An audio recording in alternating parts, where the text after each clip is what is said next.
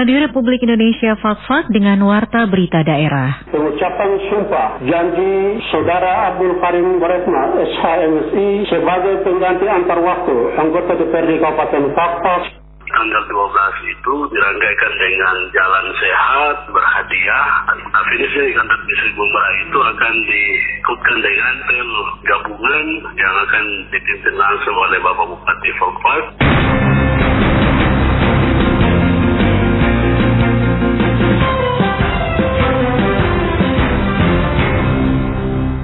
Sari Berita, DPRD Kabupaten Fakfak kemarin menggelar rapat paripurna pengambilan sumpah janji anggota DPRD pengganti antar waktu sisa masa jabatan 2019-2024.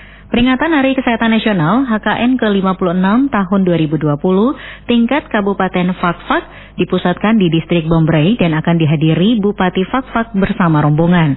Itulah berita utama pagi ini selengkapnya bersama saya Rifanti.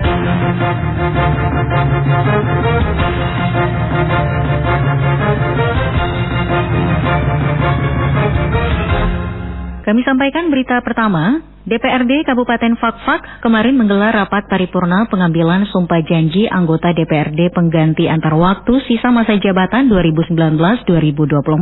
Berikut laporannya. Demi Allah saya bersumpah. Demi Allah saya bersumpah. Bahwa saya. Bahwa saya. Akan memenuhi kewajiban saya. Akan memenuhi kewajiban saya. Sebagai anggota. Sebagai anggota. Dewan Perwakilan Rakyat Daerah Kabupaten Fakfak. Dewan Perwakilan Rakyat Daerah Kabupaten Fakfak dengan sebaik-baiknya dan seadil-adilnya. Dengan sebaik-baiknya dan seadil-adilnya. Saudara pengganti antar waktu anggota DPRD Kabupaten Fakfak merupakan proses mekanisme yang telah diatur berdasarkan peraturan perundang-undangan, di mana yang menjadi rujukan utamanya yaitu peraturan pemerintah nomor 12 tahun 2018 tentang pedoman penyusunan tata tertib Dewan Perwakilan Rakyat Daerah Provinsi, Kabupaten, dan Kota. Demikian disampaikan Wakil Ketua DPRD Kabupaten Fakfak Samaun Hegemur selaku pimpinan pada acara rapat paripurna pengambilan sumpah janji anggota DPRD Kabupaten Fakfak pengganti antar waktu sisa masa jabatan 2019 2024 kemarin di gedung sidang DPRD Kabupaten Fakfak. Diungkapkan Samaun Hegemur, mekanisme penggantian antar waktu anggota DPRD Kabupaten Fakfak ini memerlukan waktu yang cukup panjang dan melibatkan beberapa pihak antara lain DPRD, pemerintah daerah dan partai politik serta KPUD guna mengklarifikasi dan memverifikasi calon pengganti antar waktu DPRD Kabupaten Fakfak yang selanjutnya diusulkan kepada Gubernur Provinsi Papua Barat sebagai unsur pemerintah pusat yang ada di daerah melalui Bupati Fakfak untuk dapat diterbitkan surat surat keputusan tentang peresmian pemberhentian dan peresmian pengangkatan anggota DPRD pengganti antar waktu tersebut. Mekanisme pergantian antar waktu anggota DPRD Kabupaten Papak ini memerlukan waktu yang cukup panjang dan melibatkan beberapa pihak antara lain DPRD, pemerintah daerah, dan partai politik serta KPU guna memverifikasi dan dalam mengganti antar waktu anggota DPRD Kabupaten Fakfak yang selanjutnya diusulkan kepada Gubernur Provinsi Papua Barat oleh Bupati Kabupaten Fakfak untuk dapat diberikan surat keputusan tentang peresmian pemberhentian dan pengangkatan anggota DPRD pengganti antar waktu tersebut. Pada kesempatan yang sama, Wakil Ketua DPRD mengharapkan kepada anggota DPRD pengganti antar waktu yang baru dilantik untuk memposisikan diri sebagai pengemban amanah masyarakat yang senantiasa memperhatikan aspirasi masyarakat fak-fak mulai dari Karas Pulau Tiga sampai Wamusan Tanah Rata, sehingga kesejahteraan masyarakat dapat diwujudkan melalui amanah yang diembannya. Pengucapan sumpah janji Saudara Abdul Karim Baretma, SHMSI, sebagai pengganti antar waktu anggota DPRD Kabupaten Fakfak sisa masa jabatan 2019-2024 yang saya harapkan mengisi diri sebagai pengembang amanah masyarakat yang senantiasa memperhatikan aspirasi masyarakat Fakfak mulai dari Karas 10 sampai dengan Wamosan Tanah Rata. Sehingga kesejahteraan masyarakat akan dapat diwujudkan melalui amanah yang diembannya. Serta memiliki tanggung jawab bukan hanya kepada masyarakat, namun yang terpenting adalah kepada Tuhan Yang Maha Kuasa agar kepercayaan yang telah diberikan oleh masyarakat dan menjaga dengan baik dan benar.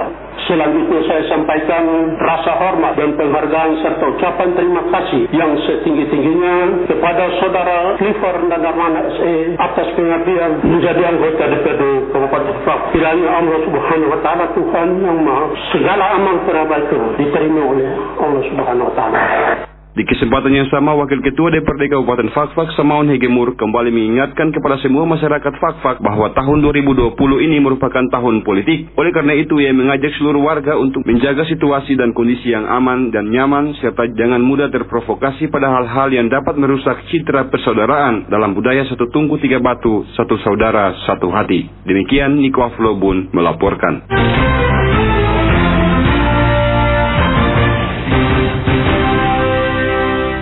Peringatan Hari Kesehatan Nasional HKN ke-56 tahun 2020 tingkat Kabupaten Fakfak dipusatkan di Distrik Bombray dan akan dihadiri Bupati Fakfak bersama rombongan. Berikut laporannya. Hari ini tanggal 12 November 2020, seluruh jajaran kesehatan di seluruh wilayah Indonesia termasuk di Kabupaten Fakfak memperingati Hari Kesehatan Nasional HKN yang ke-56 tahun 2020. Untuk tahun 2020 ini, peringatan HKN ke-56 tingkat Kabupaten Fakfak dipusatkan di Distrik Bombray. PLT Kepala Distrik Bombray, Lut Masrur Kamudi mengatakan ada beberapa kegiatan yang dilakukan dalam menyambut dan memeriahkan HKN ke-56 di Distrik Bombray, yakni kegiatan pengobatan massal kepada masyarakat yang ada di tiga distrik di sekitaran Distrik Bombray, acara Malam Ramatama, Jalan Sehat Berhadiah, dan apel gabungan memperingati HKN ke-56 yang akan dipimpin langsung oleh Bupati Kabupaten Fakfak.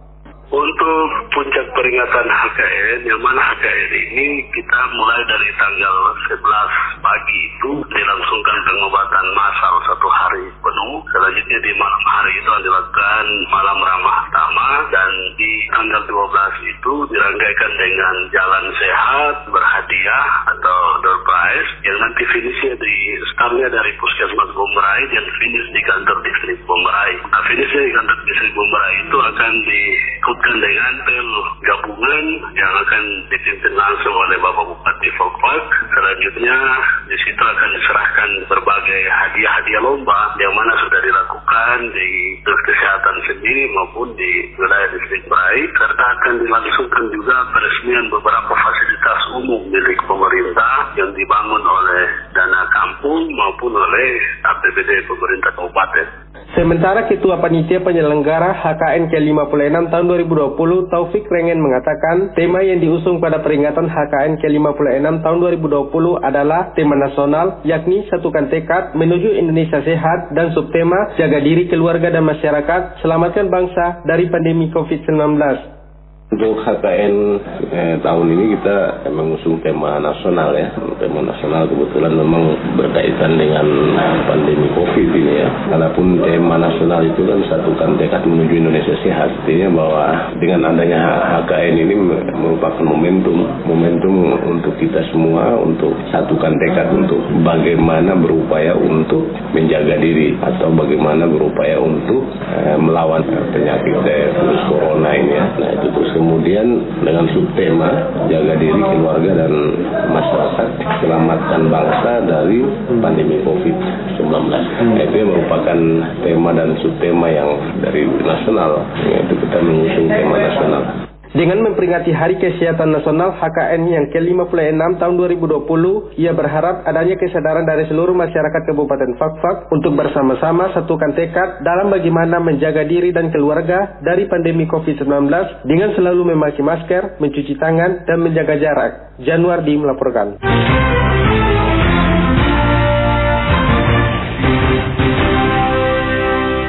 Saudara Dinas Kearsipan dan Perpustakaan Kabupaten Fakfak sebagai OPD teknis yang melaksanakan tugas pokok dan fungsi di bidang perpustakaan dengan urusan wajib non pelayanan dasar terus melakukan inovatif dalam pengelolaan perpustakaan yang disesuaikan dengan tuntutan perubahan lingkungan strategis.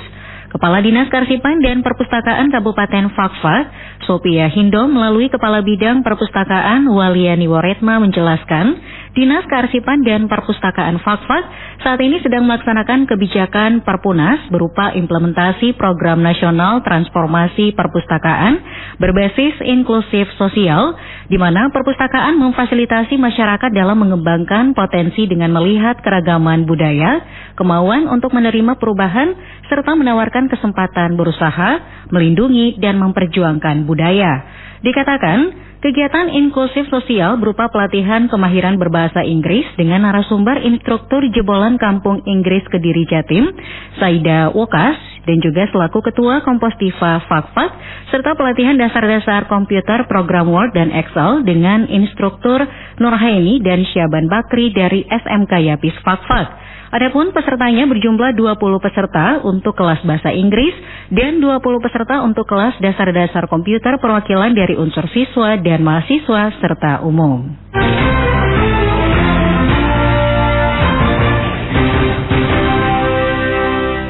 Warta berita daerah saat ini tengah disiarkan Radio Republik Indonesia, Fak-Fak. Dinas Perkebunan Kabupaten Fakfak akan terus berupaya dalam mencari hasil yang terbaik pada uji coba penyulingan tanaman kayu putih yang ada di distrik Bombray. Berikut laporannya. Gelam atau kayu putih merupakan pohon anggota suku jambu-jambuan yang dimanfaatkan sebagai sumber minyak kayu putih. Minyak di ekstra ini biasanya disuling dengan uap terutama dari daun dan rantingnya. Untuk mengetahui hasil dari tanaman kayu putih, Dinas Perkebunan Kabupaten Fakfak beberapa hari yang lalu melakukan uji coba penyulingan tanaman kayu putih di distrik Bomberai. Kepala Bidang Pengolahan dan Pemasaran Hasil Perkebunan pada Dinas Perkebunan Kabupaten Fakfak, Sofyan Syukur mengatakan, hasil uji coba yang dilakukan oleh tim dari Dinas Perkebunan Kabupaten Fakfak bersama dengan masyarakat dan kepala kampung yang ada di distrik Bombray, baik uji coba pertama maupun uji coba kedua, belum memperlihatkan hasil yang maksimal, mengingat mesin penyulingan yang digunakan belum pernah dilakukan uji coba dengan bahan apa pun kita bersama-sama dengan tim ahli dari Bogor, Pak Dr. Asep, kemudian bersama Kepala Dinas, Ibu Sekretaris, dan masyarakat kepala kampung di SP 6 Bumberai, kita melaksanakan uji coba penyulingan minyak kayu putih. Alat yang digunakan ini yaitu penyulingan yang biasa dipakai oleh kita menyuling minyak lawang, sehingga apa yang kita lakukan di sana pertama uji coba pertama pertama itu kita mendapat hasil yang agak kurang murni sehingga pada besok harinya kita melakukan uji coba kembali. Dari hasil yang kita uji cobakan ini memang baru mendapat hasil yang tidak optimal.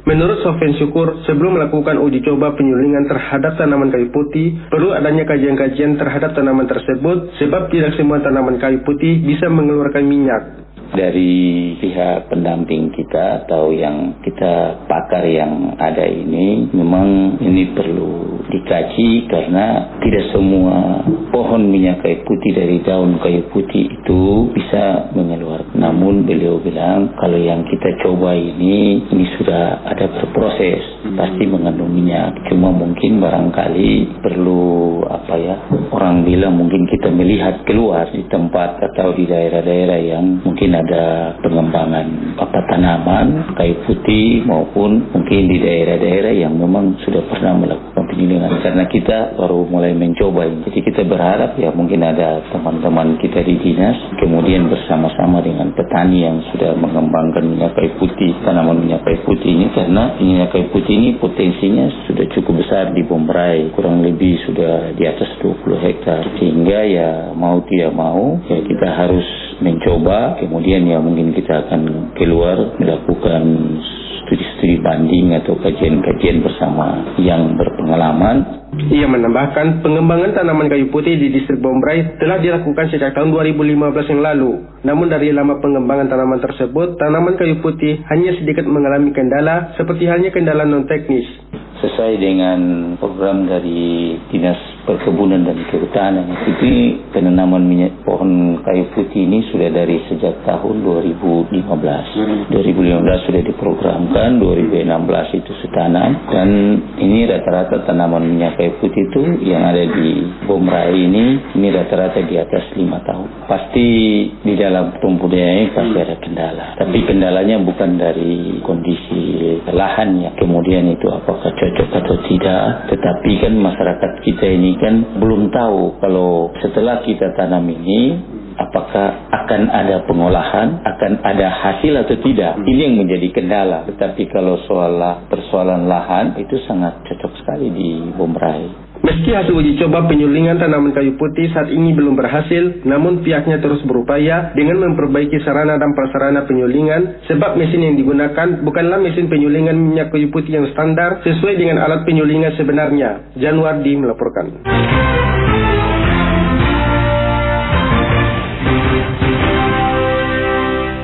Babinsa Koramil 180302 Kokas, Sertu Samuel Yekora membantu warga binaan Laode Asudin dalam mengolah kebun tomat dan cabai bertempat di Kilo M10 daerah Taman Anggrek, Kabupaten Fakfak. Sertu Samuel Yekora mengatakan, kegiatan pendampingan ini bertujuan untuk meningkatkan perekonomian warga, terutama dalam tanaman cabai dan tomat, karena tanaman ini sudah menjadi kebutuhan yang selalu dikonsumsi sehari-hari, terutama untuk memenuhi kebutuhan dapur. Di sisi lain, lain, Hasil dari budidaya tanaman cabai dan tomat ini juga dapat meningkatkan kesejahteraan perekonomian warga, di mana bila hasil panen telah tiba dapat dijual di pasar tradisional Kabupaten Fakfak. Sementara di tempat yang sama, Bapak Laode merasa sangat bersyukur atas pendampingan yang dilakukan oleh para babinsa, di mana banyak masukan dan selalu berbagi pengetahuan tentang tata cara pengolahan tanaman yang baik, sehingga dapat meningkatkan hasil panen nantinya. Sekian, Warta Berita Daerah, Produksi Radio Republik Indonesia, Fakfak. -Fak.